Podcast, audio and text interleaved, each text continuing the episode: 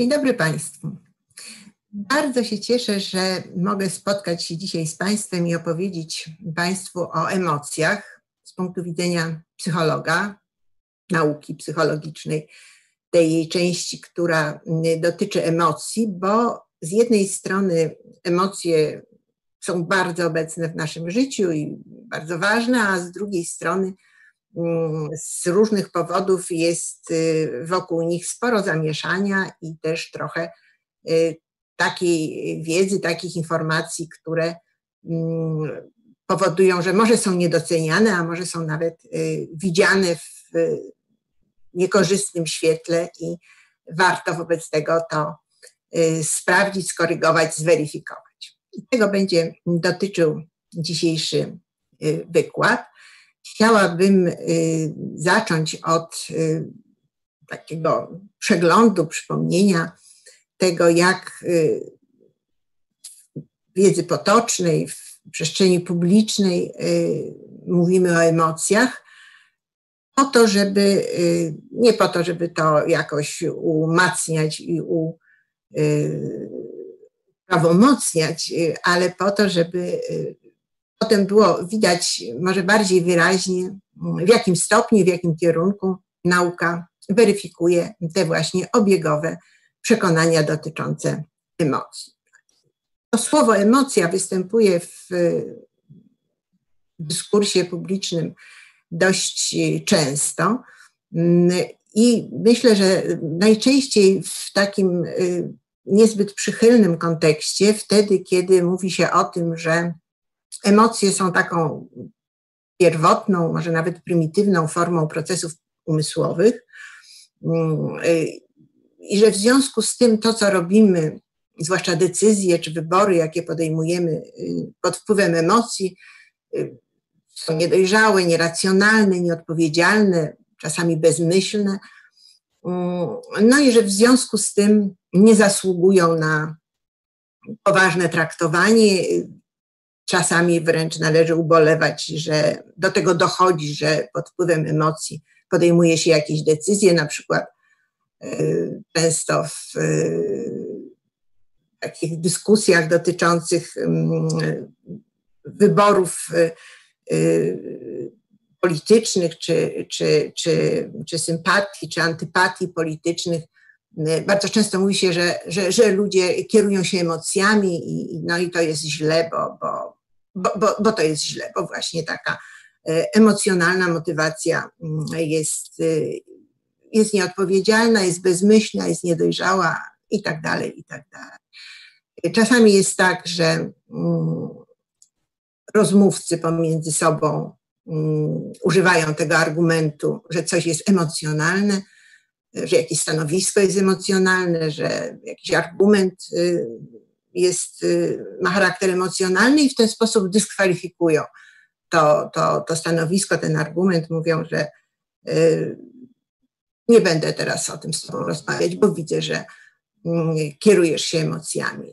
Osoba, do której jest to kierowane, najczęściej rzeczywiście to przyjmuje, że no tak, rzeczywiście to, to, to tutaj się w tej dyskusji jakoś nie, nie, nie, nie odnalazłem dobrze, bo kieruję się emocjami, co mój rozmówca zauważył, wytknął mi i z tego powodu dalej nie chce ze mną rozmawiać. Inny kontekst, w jakim mamy do czynienia z emocjami, to jest kontekst, powiedziałabym, wręcz y, odwrotny, to znaczy emocje są Mm, wymieniane jako coś wartościowego, ale najczęściej przy okazji jest to coś y, błahego. Kiedy na przykład patrzę na reklamy samochodów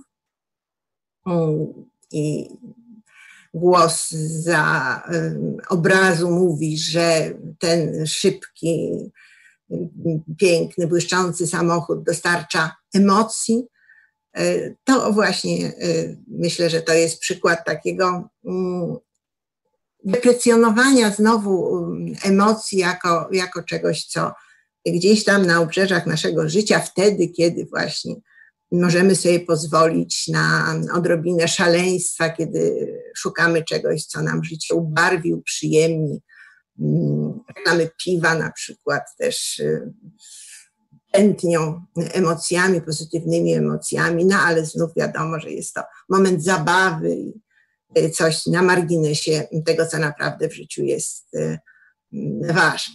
No i wreszcie mamy trzeci kontekst, który jest bardzo, bardzo obecny i y, stawia pod znakiem zapytania te dwa poprzednie, mianowicie wtedy, kiedy y, mówimy o emocjach jako o czymś nadzwyczajnie ważnym. Na przykład, kiedy mówimy, że nie wolno ranić uczuć innych ludzi, kiedy mówimy, że y,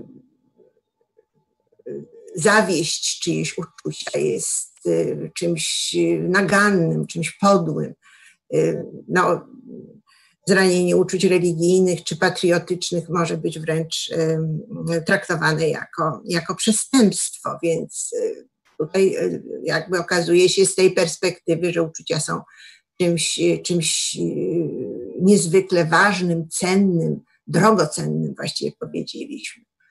Mm, często pojawia się mm, taki zarzut, że ktoś jest nieempatyczny, czyli nie uwzględnia uczuć innych ludzi. No i to jest bardzo poważny zarzut i, e, no i znów świadczy to o tym, że uczucia są bardzo ważne. Są takie sytuacje, w których należy okazywać pewne uczucia, na przykład uczucie wdzięczności, współczucie, smutek, żal, ubolewanie, na przykład kiedy ktoś straci kogoś bliskiego, wtedy Y, wtedy, wtedy okazujemy i jest to pożądane, oczekiwane, właściwe mm, nasze uczucia smutku czy żalu.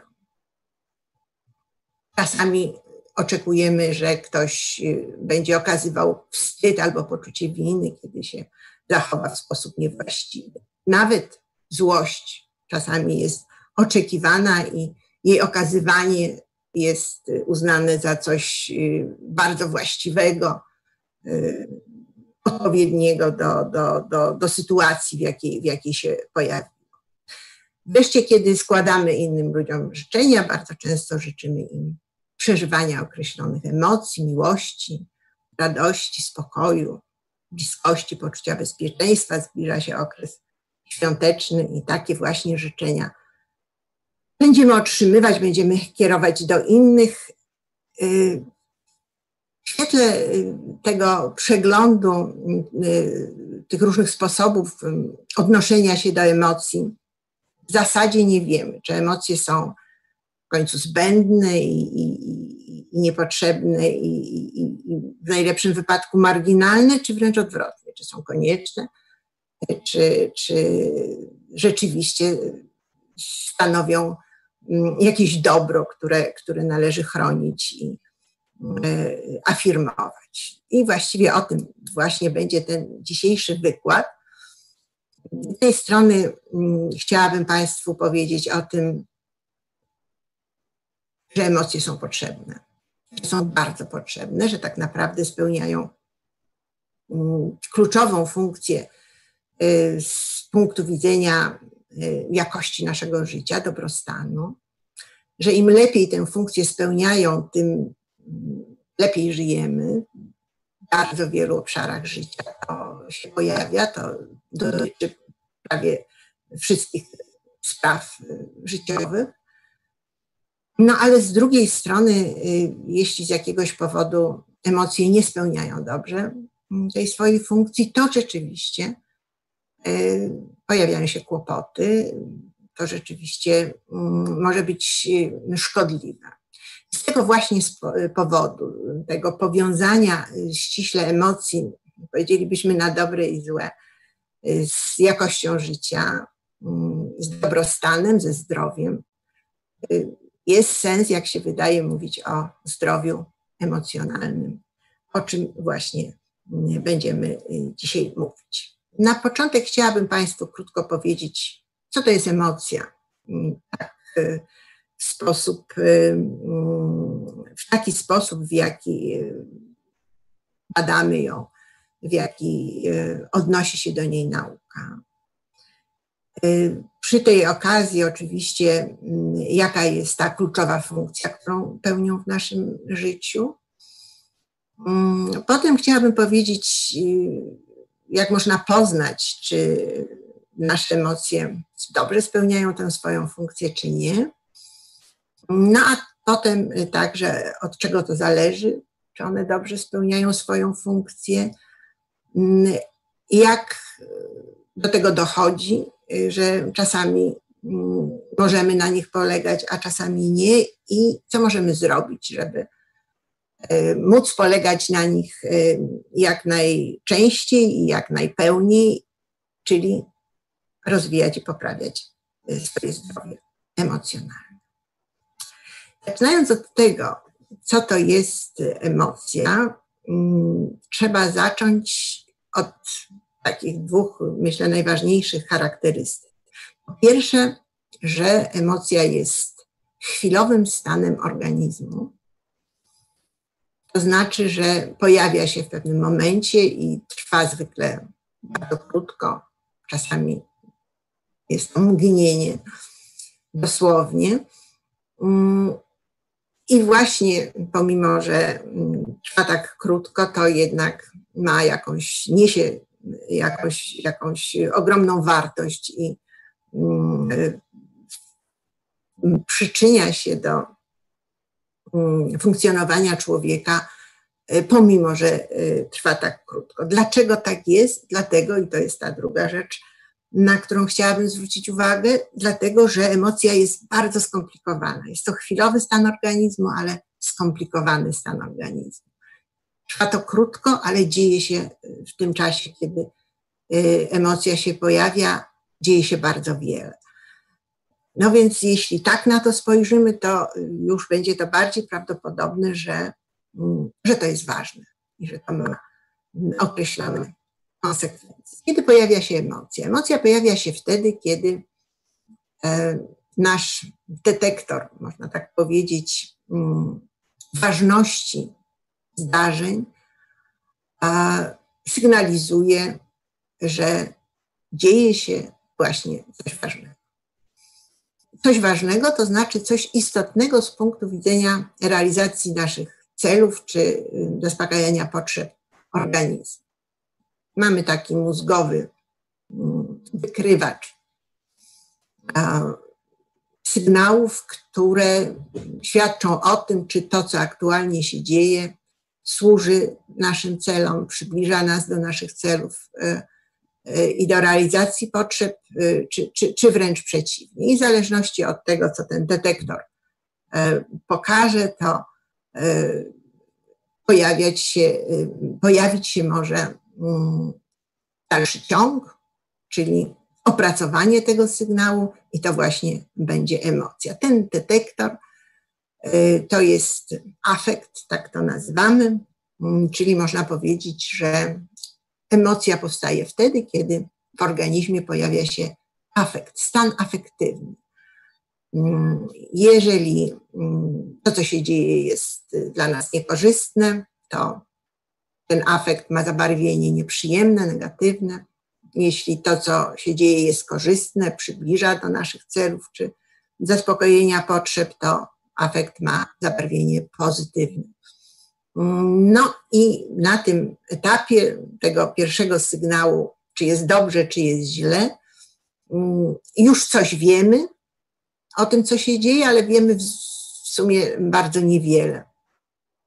Potrzebne jest wobec tego dalsze y, opracowanie tego sygnału, żeby, y, żeby wiedzieć więcej, żeby lepiej zrozumieć skoro dzieje się coś ważnego, korzystnego lub niekorzystnego, co to jest, na czym to polega, w jaki sposób to się odnosi do naszych celów czy potrzeb.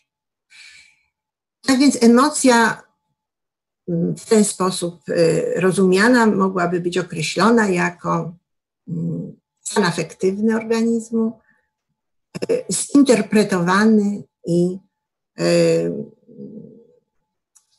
rozpoznany na podstawie mm, procesów poznawczych.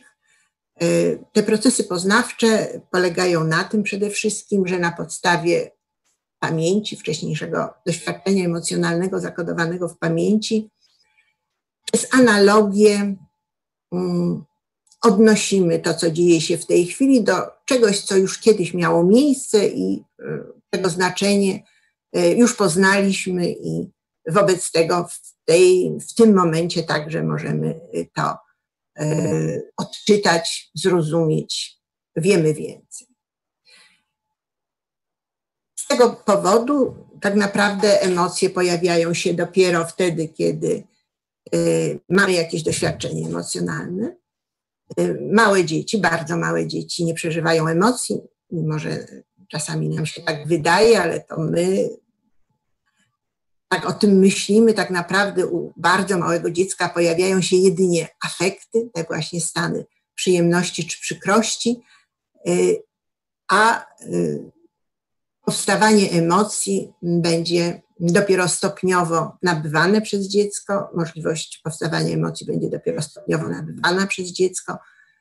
Y, na podstawie doświadczenia, jakie sukcesywnie dziecko będzie miało z mm, różnymi sytuacjami, które będzie stopniowo coraz y, bardziej systematycznie y, opracowywało poznawczo wraz z rozwojem funkcji poznawczych i e, dzięki temu będą gromadziły się emocjonalne wspomnienia, które będą w przyszłości mogły służyć właśnie do E, interpretowania bieżących zdarzeń. Więc cały ten proces, o którym tutaj teraz opowiadam, do którego jeszcze należałoby włączyć określone stany y, fizjologiczne towarzyszące pobudzeniu afektywnemu, kiedy dzieje się coś ważnego, drżą nam ręce, mamy łzy w oczach, y, napięcie w, w określonych partiach mięśni, Y,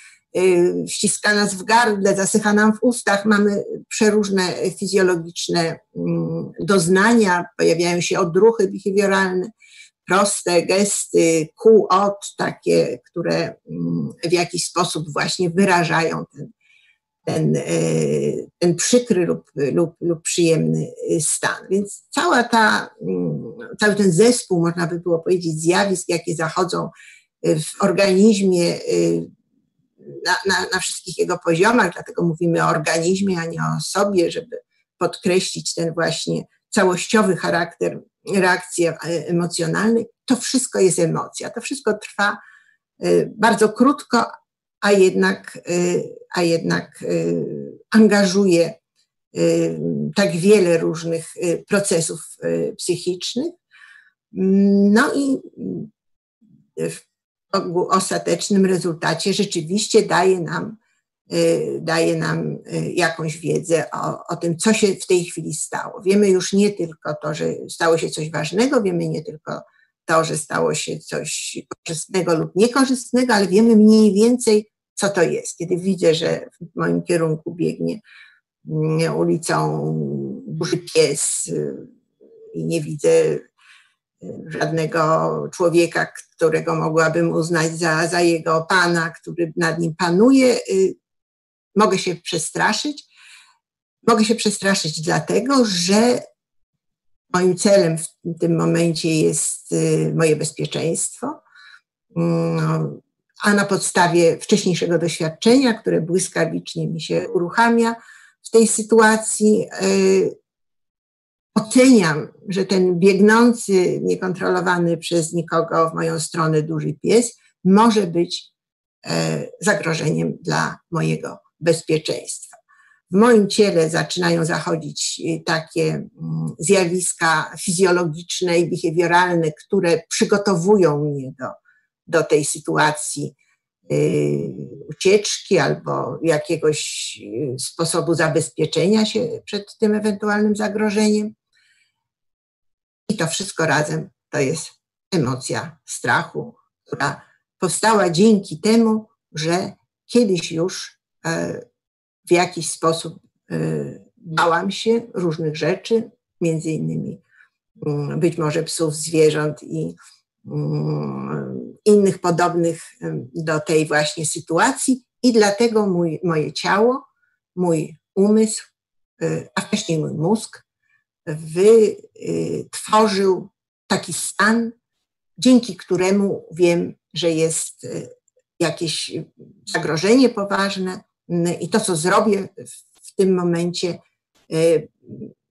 będzie jakąś formą chronienia się przed tym zagrożeniem. Gdybym tej emocji nie przeżyła, gdyby pies biegł w moim kierunku, nie wiadomo jakimi zamiarami, a ja bym y, zignorowała ten, ten, ten fakt, bo nie miałabym y, właśnie tego sygnału, że dzieje się coś ważnego i nie miałabym tych poznawczych, pamięciowych podstaw do tego, żeby ten sygnał we właściwy sposób y, zinterpretować, to być może naraziłabym się na, na, na bardzo poważne niebezpieczeństwo.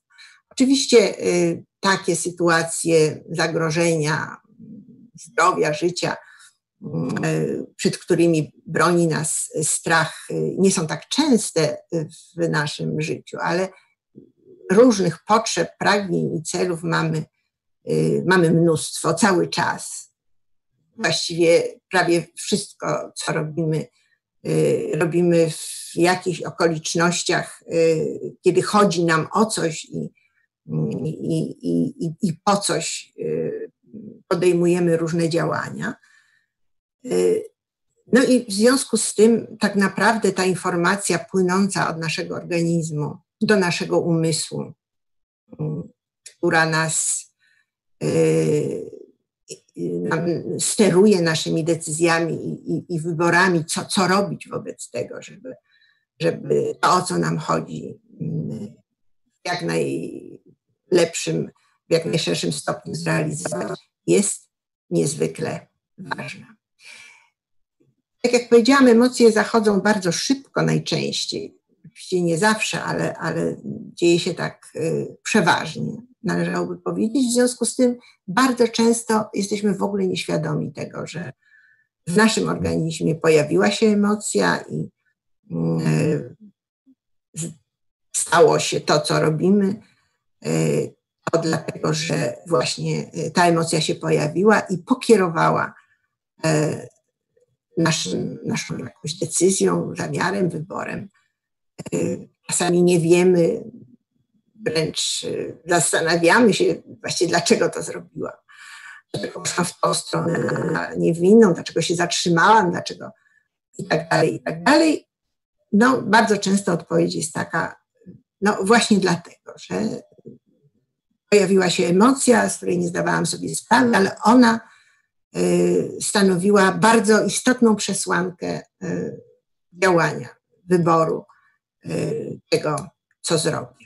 Więc można powiedzieć, że emocje są po to, żeby wiedzieć, jakie jest znaczenie tego, co się dzieje, i stanowią przesłankę decyzji i wyborów w kierunku i sposobu działania. No i jeśli dodamy do tego to, o czym powiedzieliśmy przed chwilą, mm, że stale nam o coś chodzi, że tak naprawdę stale powinniśmy wiedzieć, y, czy to, co się dzieje, jest korzystne, czy niekorzystne, y, no to ta funkcja informacyjna emocji y, zaczyna nam się jawić jako bardzo ważna.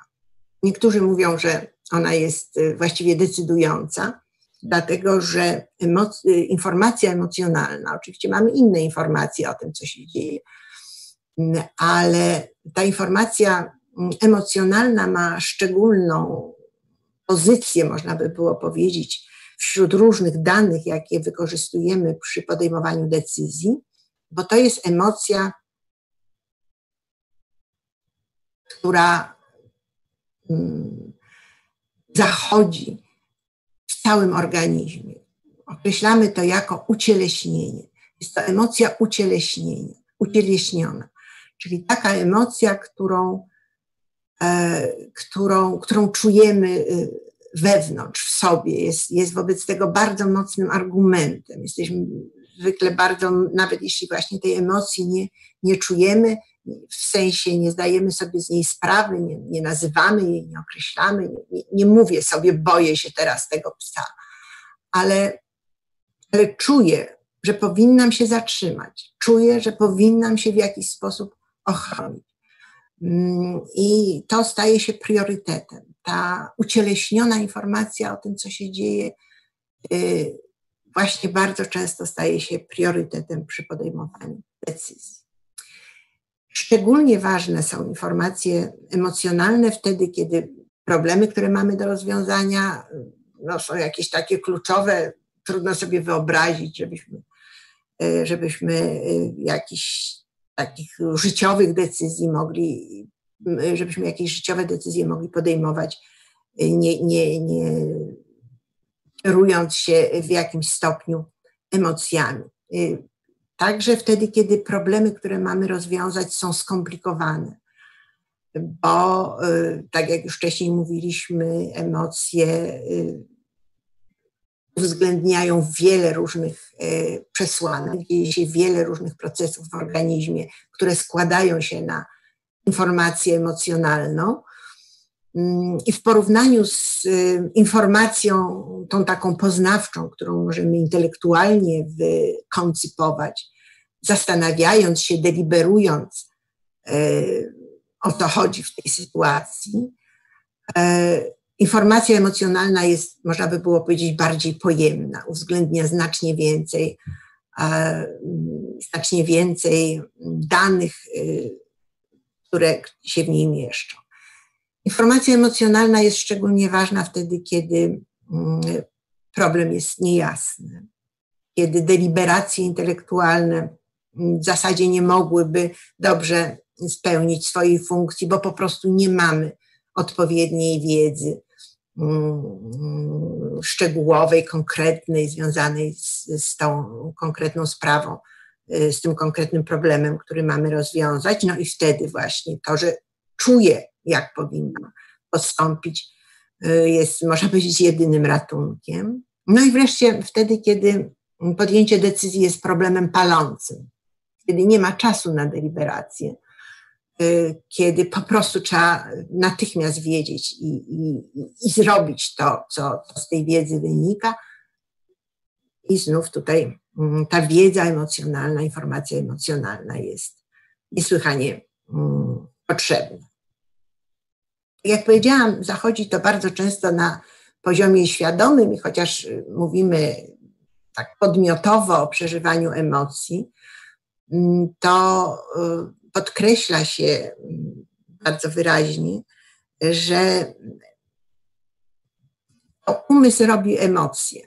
Umysł robi emocje, bo potrzebuje informacji do podjęcia określonej decyzji. Y, czyli ten taki ściśle podmiotowy y, charakter emocji, który przypisujemy sobie, mówiąc, czuję coś, czuje złość, czuje radość, czuje wdzięczność, y, jest pewnego rodzaju uzurpacją. To tak naprawdę nasz umysł zrobił ten y, stan, wyprodukował nasz organizm ten właśnie stan radości, smutku, złości czy wdzięczności, mm, a my sobie z tego zdajemy sprawę i wtedy utożsamiamy się z tą emocją, ale bardzo często sobie z tego nie zdajemy sprawy, a i tak ta e, emocja działa, czyli mm, stanowi tę informację, którą umysł wykorzystuje, dokonując e, wyborów. No i teraz, jak popatrzymy na to, że umysł robi, to jest oczywiście taka metafora, ale wydaje mi się przydatna, często ją teraz używamy w psychologii do objaśnienia tego, mm, jak działają emocje i jak my możemy działać na emocje, o czym za chwilę jeszcze trochę więcej powiem. Mm, więc jak y, przyjmiemy, że umysł robi emocje, to y, od razu możemy y, się domyślać, skupić na tym, że no może to zrobić lepiej lub gorzej. Emocji, informacja emocjonalna powstaje, no ale ten proces może przebiegać albo sprawnie, albo, albo niesprawnie. E, no i z tego punktu widzenia tym bardziej e, możemy przyglądać się mm, emocjom jako czemuś, co z jednej strony wpływa bardzo znacząco, bardzo wyraźnie na wszystkie ważne sprawy w naszym życiu, czyli wszystkie te sprawy, które budzą nasze emocje. No a z drugiej strony, mm, jako na y, coś, co może się udać lub nie udać. I y, z tego powodu właśnie wydaje się, że takie określenie zdrowie emocjonalne, czyli y, jakaś próba uchwycenia tego, mm, jaka jest jakość naszej emocjonalności z punktu widzenia mm, jakości naszego życia w jak najszerszym tego słowa rozumieniu, y, jest nie tylko możliwa, ale także potrzebna, bo gdyby zwłaszcza okazało się tak, że nasze emocje nas zawodzą, ta ich informacyjna funkcja nie jest y, wystarczająco dobrze przez nie sprawowana, E, no to oznaczałoby zagrożenie dla, dla nas, dla, dla, dla różnych naszych interesów życiowych. No i byłby to sygnał, że, że potrzebna jest jakaś interwencja. Po czym możemy poznać, że emocje nam dobrze służą, że, że, że, że ta informacja którą ze sobą niosą, jest,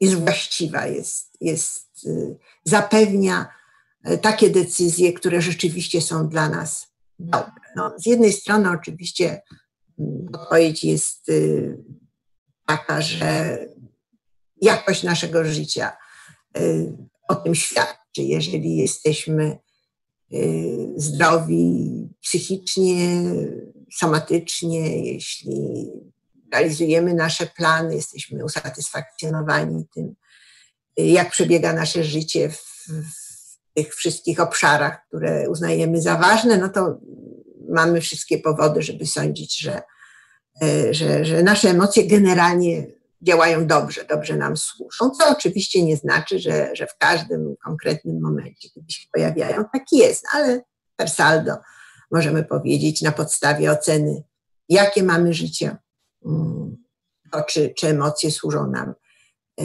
dobrze czy źle.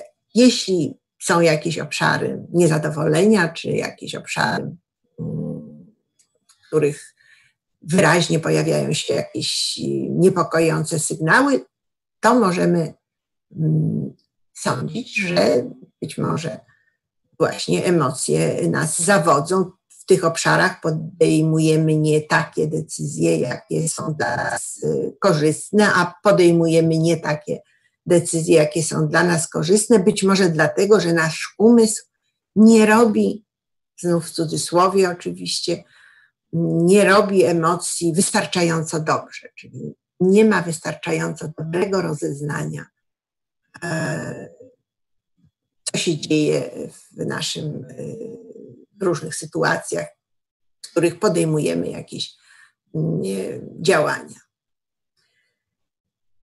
Tak naprawdę, skoro mówimy już o y, takich przypadkach, kiedy emocje zawodzą, to warto sobie mm, uzmysłowić, że zdrowie psychiczne jest w bardzo dużym stopniu powiązane ze zdrowiem emocjonalnym, z emocjami.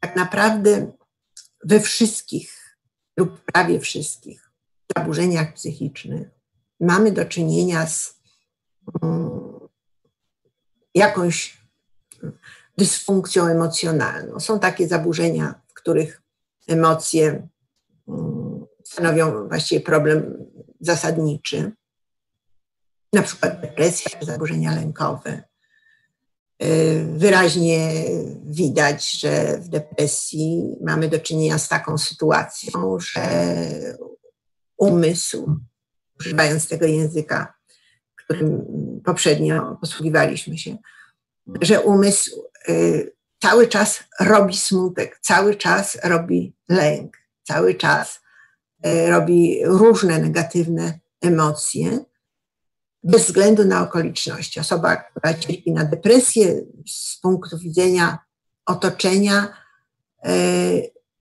nieadekwatnie ocenia to, co się dzieje w jej życiu. Bardzo często najbliżsi, ci, którzy obserwują takie właśnie depresyjne funkcjonowanie drugiego człowieka, próbują zwrócić uwagę, że przecież w Twoim życiu dzieją się różne dobre rzeczy, odnosisz sukcesy, masz jakieś e, powody do, do, do radości, do dumy, do, do, do, do, do satysfakcji, a osoba pogrążona w depresji, jak gdyby tego e, nie dostrzega. Z tej perspektywy, o której dzisiaj mówimy, możemy powiedzieć, no właśnie, to jest taka sytuacja, e, w której e,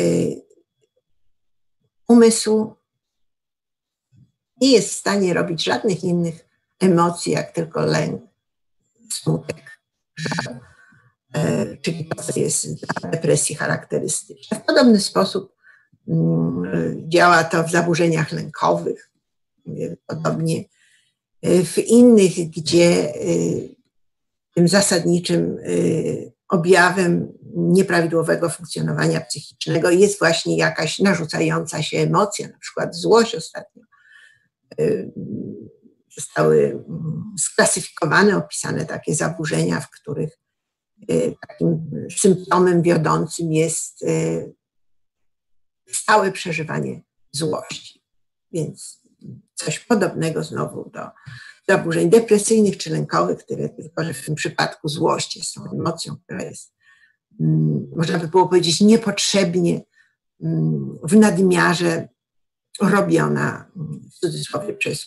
Mamy też oczywiście takie zaburzenia, w których inne dysfunkcje są pierwszoplanowe, ale także w tle pojawiają się problemy emocjonalne, na przykład dysregulacja emocjonalna, czyli taka, y, takie zjawisko polegające na niekontrolowaniu emocji, kiedy emocje się szybko zmieniają, wyraźnie się nie, y, jakoś nie mają, nie mają związku z, z tym, co się dzieje. Mm, osoba jest jakby mm, wydana na, na taką emocjonalną huśtawkę, nad którą nie może zapanować, no i która oczywiście jej nie służy, bo, bo, bo te emocje są nie tylko przez nią niekontrolowane, ale, ale są też y, oderwane od, od jakichś realnych y, spraw, z którymi ta czynienia. Coraz więcej mamy y, dowodów i przykładów na to, że choroby somatyczne mm, są powiązane z, z nieprawidłowym przebiegiem emocji. No i oczywiście mamy cały szereg e, takich e, zdarzeń, zachowań w funkcjonowaniu ludzi, które też budzą jakiś, jakiś niepokój, czy, czy, czy są nieakceptowane, czy są szkodliwe wręcz społecznie. Mm, jak na przykład fanatyzm, czy agresja, stosowanie przemocy, y, co do których y, zdajemy sobie sprawę, że, że, że gdzieś u ich podłoża mogą leżeć y, jakieś nieprawidłowe emocje. Tak więc to rozpoznawanie, czy nasze emocje działają dobrze, służą nam, czy, czy, czy nie jest, no z jednej strony można by było powiedzieć, narzucające się nawet, właśnie wtedy, kiedy oceniamy jakość naszego życia, jakość naszego funkcjonowania. No ale z drugiej strony y, też y, można powiedzieć, że ta jakaś emocjonalna katastrofa ujawnia się dopiero wtedy tak wyraźnie, że możemy ją dostrzec, oceniając jakość życia Y, no, kiedy to już jest bardzo, bardzo zaawansowane, kiedy rzeczywiście możemy mówić o, o katastrofie. Y, ale mamy też sygnały y, bardziej subtelne, można by było powiedzieć, ale także możliwe do dostrzegania, do dostrzeżenia u siebie, także u innych mm, osób, o które się troszczymy, i one jakby z wyprzedzeniem mogą nam ujawnić to, czy, czy, czy, czy jest dobrze, jeśli chodzi o zdrowie emocjonalne, czy też dzieje się coś niepokojącego, zanosi się na coś być może niepokojącego. Jakie to są sygnały?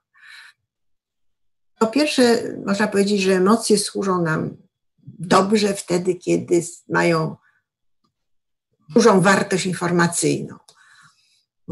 Czyli kiedy są pełne, kiedy ta interpretacja poznawcza na podstawie pamięci emocjonalnej, tego, co dzieje się w chwili obecnej, rzeczywiście jest y, wyczerpująca, rzeczywiście mm, została użyte, zostało użyte szerokie spektrum e, informacji, które człowiek posiada, po to, żeby, żeby y, dobrze pojąć to, co dzieje się y, w chwili obecnej. Po czym poznajemy, że tak jest, że emocja jest pełna,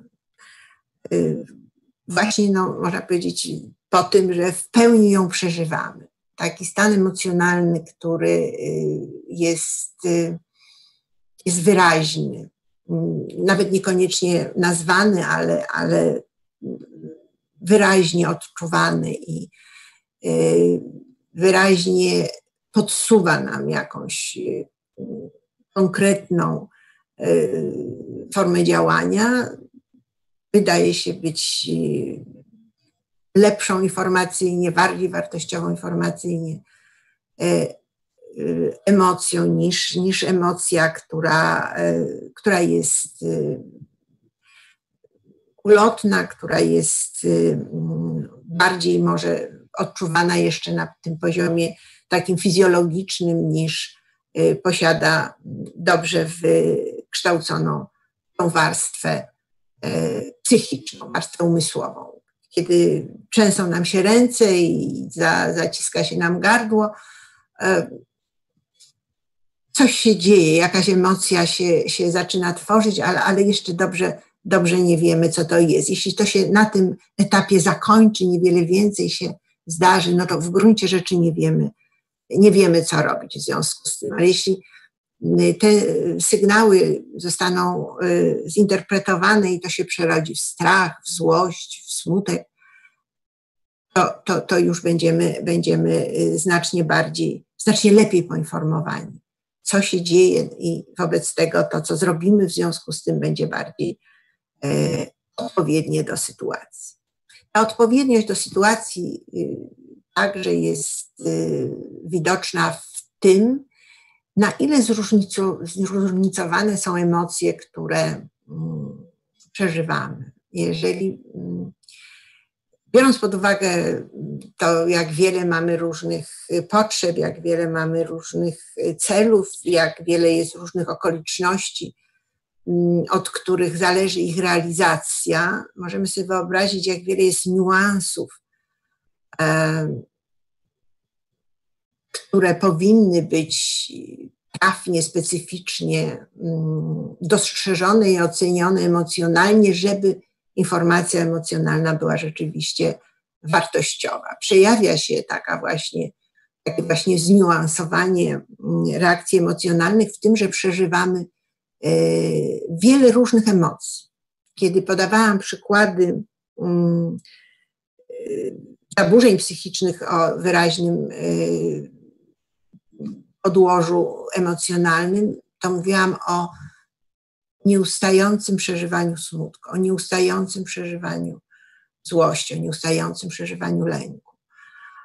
Więc taka, e, w tym przypadku oczywiście już skrajna, ale czasami też e, rysująca się jeszcze nie, nie w takim nasileniu, ale już jakoś widoczna, można by było powiedzieć, ubogość e, zakresu przeżywanych emocji jest sygnałem tego, że emocje nie są, e, nie są, e, nie, nie, nie są robione przez nas umysł bardzo dokładnie. Kiedy mówimy o złości, to w gruncie rzeczy e, zdajemy sobie z tego sprawę, że, że złość może to być wściekłość, że złość to może być oburzenie, że złość to może być gniew, irytacja, poddenerwowanie, cały wachlarz bardzo różnych stanów. One wszystkie należą do tego, co psychologowie nazywają rodziną złości, mm, ale to są różne emocje i każda z nich y, niesie inną informację. Co innego dla mnie znaczy, kiedy jestem wściekła, co innego, kiedy jestem zirytowana, co innego zrobię wtedy, kiedy y, czuję wściekłość, a co innego zrobię wtedy, kiedy będę y, zirytowana. Więc jeśli emocje są właśnie tak zróżnicowane, że mm, posiadamy wiele różnych odmian różnych emocji w naszym repertuarze reagowania emocjonalnego, to znaczy, że emocje są dostosowane y, do mm, warunków, do, do okoliczności. Wściekłość powstaje w innych okolicznościach niż poirytowanie. I to właśnie zróżnicowanie, możliwość przeżywania zróżnicowanych na przykład rodzajów złości. Świadczy o tym, że mm, emocja złości robiona jest na różne sposoby przez nasz umysł, dostosowane do okoliczności. Mm, to, co jest ważne także, mm, to jest y, nasze ustosunkowanie do emocji. Okazuje się, że nie tylko sama emocja, ale także to, jak ją odbieramy, y, będzie y, rzutowało na to, jak ostatecznie zostanie ona wykorzystana y, przy naszych wyborach i decyzjach. Czasami wstydzimy się jakichś naszych emocji, czasami boimy się naszych emocji. Na przykład, gdzie boją się swojej złości i z tego powodu starają się jej Y, nie przeżywać, a jeśli już przeżywają, to starają się jej nie okazywać. Y, czasami y, emocje są odbieramy jako uciążliwe, jako kłopotliwe, jako mm, niestosowne.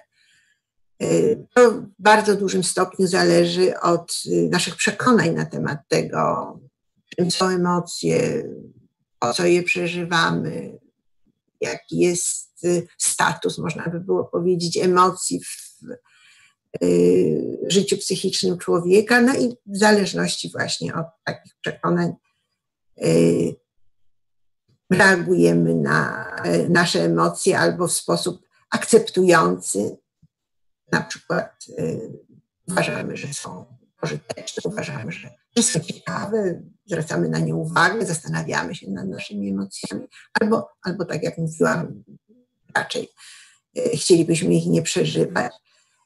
E, to oczywiście rzutuje na to, e, jak je będziemy wykorzystywać. To, że emocja powstanie, nie znaczy, że, że, że spełni swoją funkcję, jeśli jej na to nie pozwolimy, jeśli będziemy ją hamować. Czasami możemy hamować powstawanie emocji już w trakcie jej powstawania, kiedy, kiedy zanosi się na to, że ona powstanie, y, możemy już jakoś bronić się przed tym, żeby tak się stało. No więc w ten sposób udaremnimy sobie y, utworzenie się tej, tej bardzo potrzebnej skądinąd y, informacji. Ostatnia rzecz, y, na którą jeszcze y, trzeba, którą trzeba podkreślić, to to, że mm, mówiliśmy do tej pory o tym, że mm, afekt jest albo pozytywny, albo negatywny, to znaczy y, nasz mózg odbiera mm, sygnały o tym, że coś jest korzystne i wtedy pojawia się stan przyjemny, albo że coś jest niekorzystne, pojawia się stan nieprzyjemny. No i na tej podstawie rozróżniamy emocje pozytywne i negatywne, które właśnie będą się y, rozwijały albo wokół afektu pozytywnego albo negatywnego.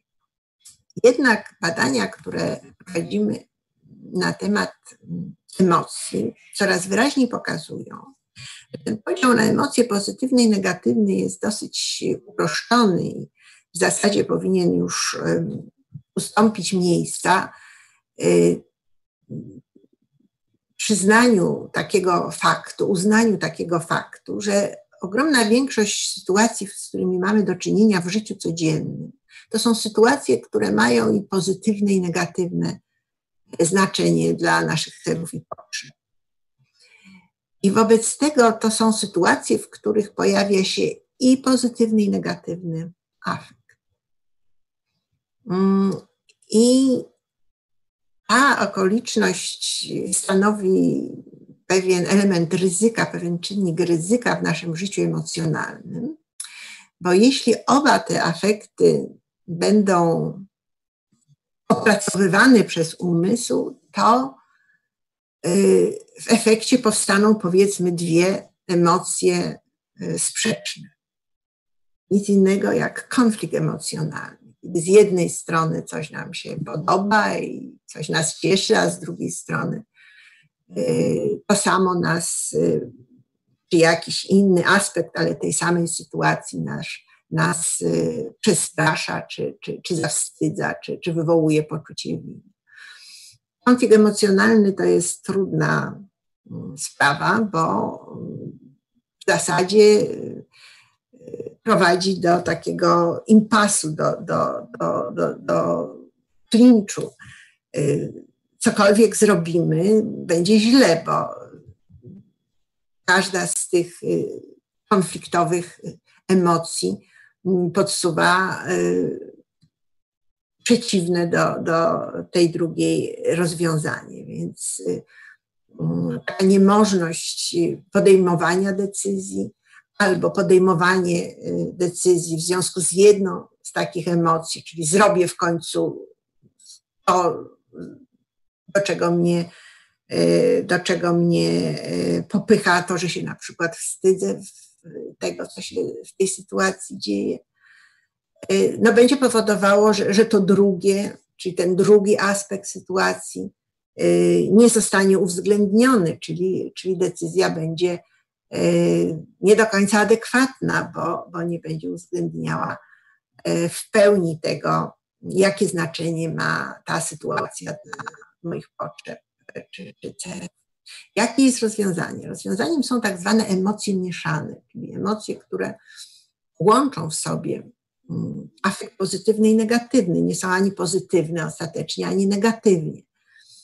Coraz więcej mm, badań pokazuje nam, nie tylko to, że są takie emocje, które jakby z natury rzeczy są właśnie emocjami mieszanymi w takim sensie, mm, ale że w zasadzie większość, niektórzy badacze mówią, wszystkie, prawie wszystkie emocje mają e, w sobie te, te dwa afekty, choć oczywiście y, proporcje tych dwóch afektów są różne i też w związku z tym niektóre emocje wydają nam się bardziej pozytywne, a inne bardziej negatywne, ale w istocie y, one wiążą się z, z obydwoma afektami. Te emocje mieszane, takie, w których y, oba afekty współwystępują ze sobą wyraźnie, to są na przykład takie emocje jak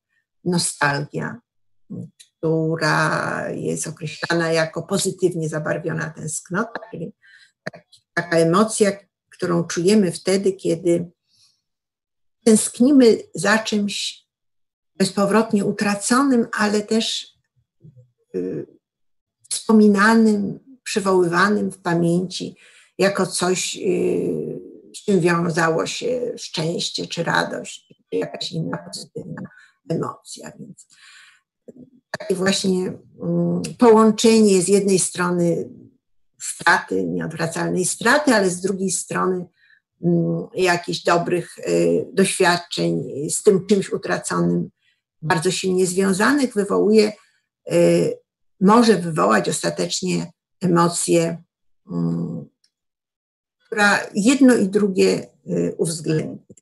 I ta emocja to właśnie nostalgię. Oczywiście taka sytuacja mogłaby wywołać konflikt emocjonalny, moglibyśmy z jednej strony rozpaczać, że, że, że to coś utraciliśmy, a z drugiej strony moglibyśmy delektować się i, i, i jakoś przywoływać bardzo pozytywne emocje związane z, z tym czymś kiedyś w, w przeszłości.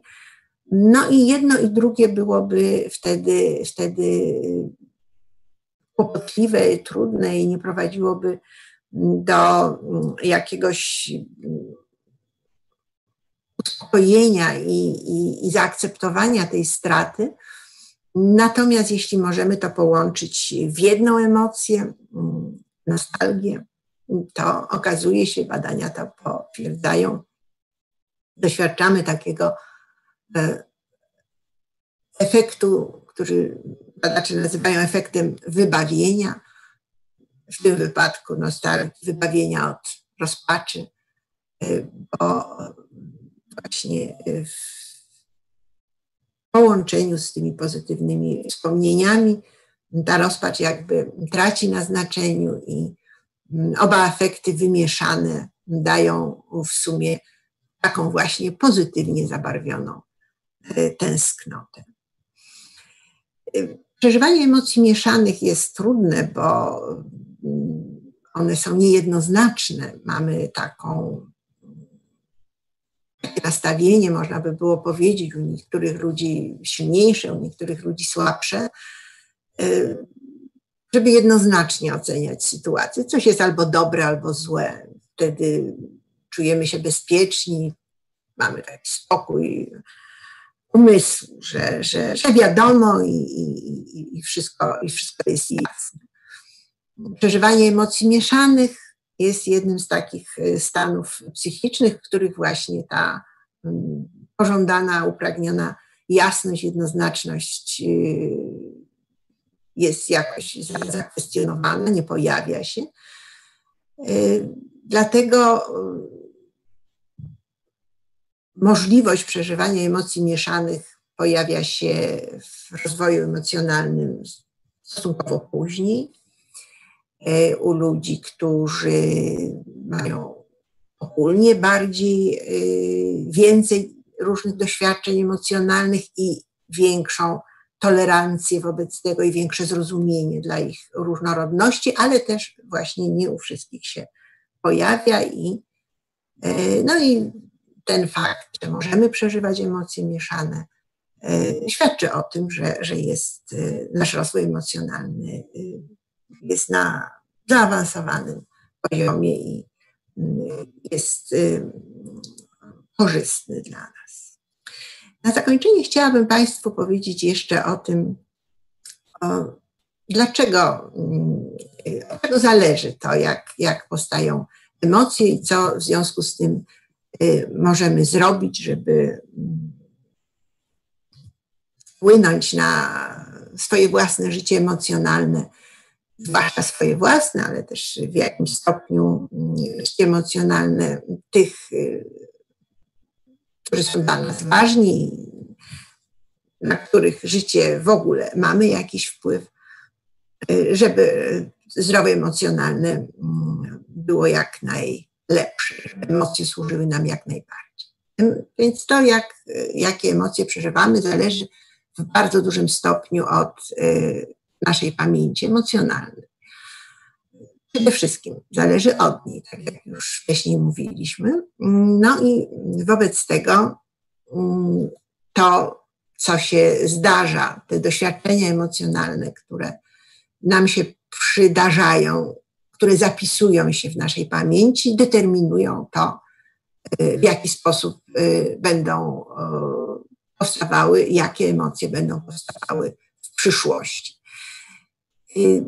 Z jednej strony to brzmi troszkę tak deterministycznie, no bo różne rzeczy nam się już przytrafiły i, i mamy je w swojej pamięci, więc y, wygląda na to, że nasze życie emocjonalne, zwłaszcza jeśli jesteśmy dorośli, y, czy bardzo dorośli, to, to jest już w bardzo dużym stopniu zdeterminowane i w jakim stopniu rzeczywiście tak jest, choć nie do końca, o czym też za chwilę powiem. Ale też musimy pamiętać o tym, że każde przeżycie emocji jest doświadczeniem emocjonalnym. Czyli jeśli od dziś zaczniemy y, zwracać uwagę na emocje, jakie przeżywamy, stwarzać w naszym warun życiu warunki do przeżywania, y, do zdobywania takich doświadczeń emocjonalnych, przeżywania takich emocji, jakie chcielibyśmy przeżywać w przyszłości, no to, to nic nie stoi na przeszkodzie, ponieważ y, doświadczenia emocjonalne zapisują się w naszej pamięci przez całe życie. W każdej chwili możemy naszą pamięć emocjonalną wzbogacić, poszerzyć, rozwinąć o takie doświadczenia emocjonalne, jakie, y, jakie chcielibyśmy mieć po to, żeby, żeby w przyszłości takie właśnie emocje przeżywać. Po drugie, y, ta determinacja y, sposobu przeżywania emocji przez pamięć rzeczywiście jest, jest bardzo duża i przeszłe doświadczenia rzeczywiście bardzo rzutują na to, jak przeżywamy i będziemy przeżywać mm, emocje w przyszłości, ale z drugiej strony jest tak, że nasza pamięć emocjonalna, nawet ta przeszła, nawet wtedy, kiedy mieliśmy e, ciężkie życie, czy, czy dużo jakichś trudnych doświadczeń emocjonalnych, nasza pamięć emocjonalna jest znacznie bogatsza zwykle niż, e, niż ta jej część, którą wykorzystujemy do tworzenia naszych emocji na co dzień.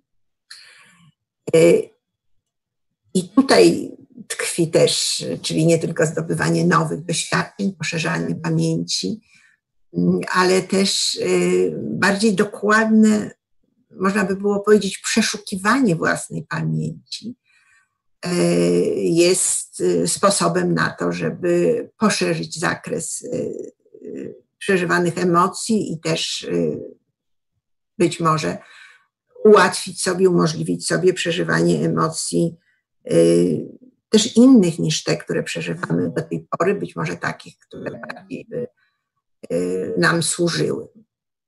Jak można poszerzyć dostęp do tych obszarów własnej pamięci emocjonalnej, które z jakiegoś powodu są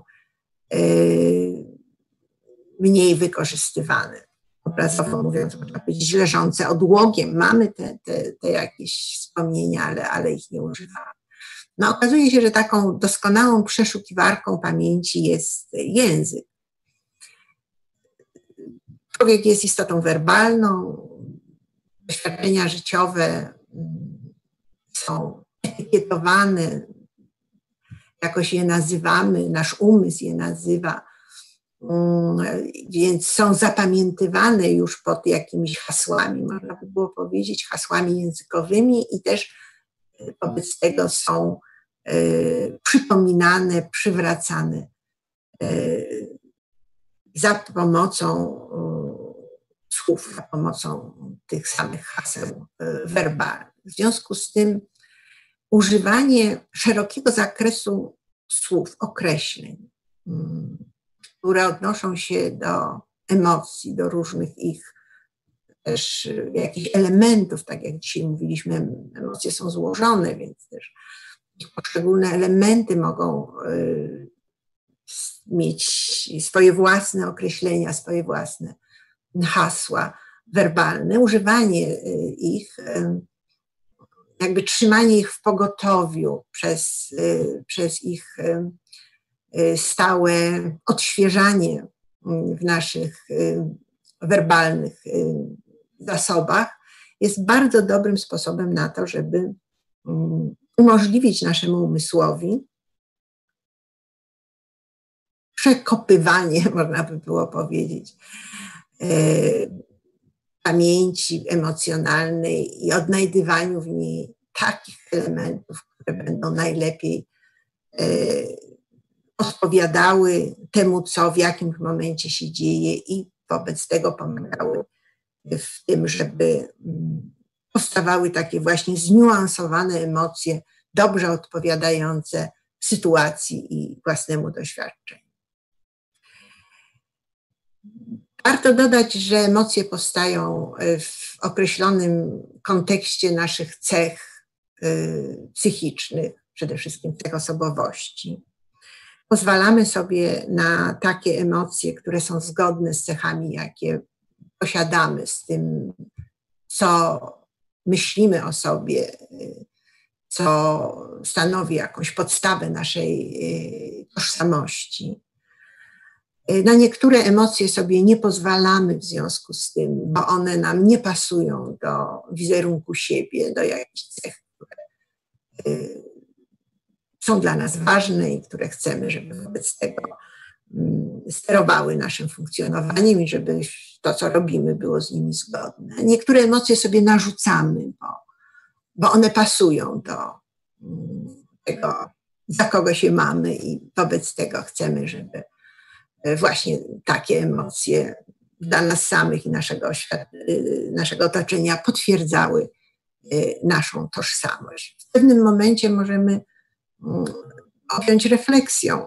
To, jak y, nasza osobowość, nasz wizerunek własnej osoby y, ingeruje w powstawanie emocji właśnie w taki sposób, jak to przed chwilą mm, o tym opowiedziałam i, no i możemy jakoś to skorygować, jeśli dostrzeżemy, że to jest niekorzystne dla nas, że na przykład na pewne emocje sobie w ogóle nie pozwalamy, bo nam nie pasują do, do wizerunku własnej osoby, a pewne emocje sobie narzucamy i jakoś nadmiernie y, być może często się u nas pojawiają, bo właśnie y, to pasuje do wizerunku własnej osoby, a nie pasuje do, do sytuacji na przykład, w której się w jakimś momencie znajdujemy. No i wreszcie ostatnia rzecz y, to jest otoczenie nie tylko my sami mm, sobie pozwalamy i nie pozwalamy na pewne emocje, wymagamy od siebie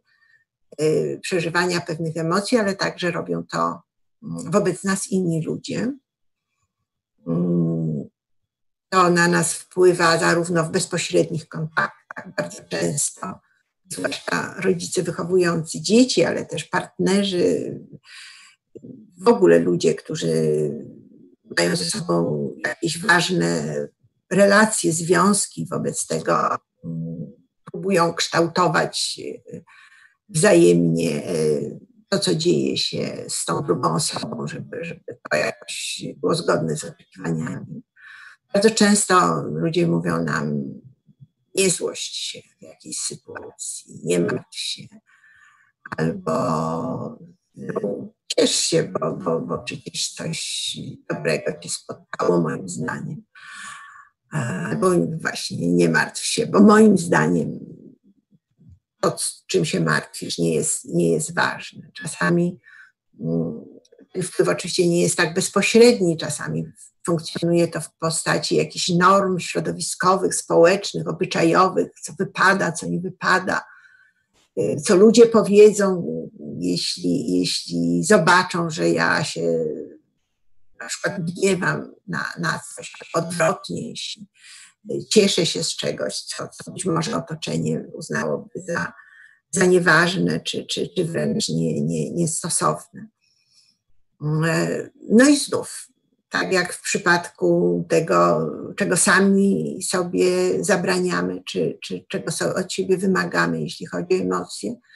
I w tym przypadku tego, co, co pod tym względem um, robi nasze otoczenie społeczne w najszerszym tego słowa znaczeniu, nie tylko najbliżsi, także może być objęte przez nas refleksją i także możemy y, próbować to w jakiś sposób y, kontrolować i zadawać sobie pytanie, czy zawsze przy każdej okazji, każde z tych oczekiwań y, rzeczywiście warto, można, trzeba, powinnam spełniać. Być może niektórych nie. Ważne oczywiście też jest, żeby pamiętać, że my jesteśmy otoczeniem dla innych i także od nas płyną oczekiwania, wymagania, zakazy w kierunku innych ludzi dotyczące tego, jak mają e, przeżywać swoje emocje, jakie ich emocje nam się podobają, jakie nie, czego sobie życzymy, czego sobie nie życzymy pod tym względem i wobec tego my także wpływamy na zdrowie emocjonalne innych ludzi.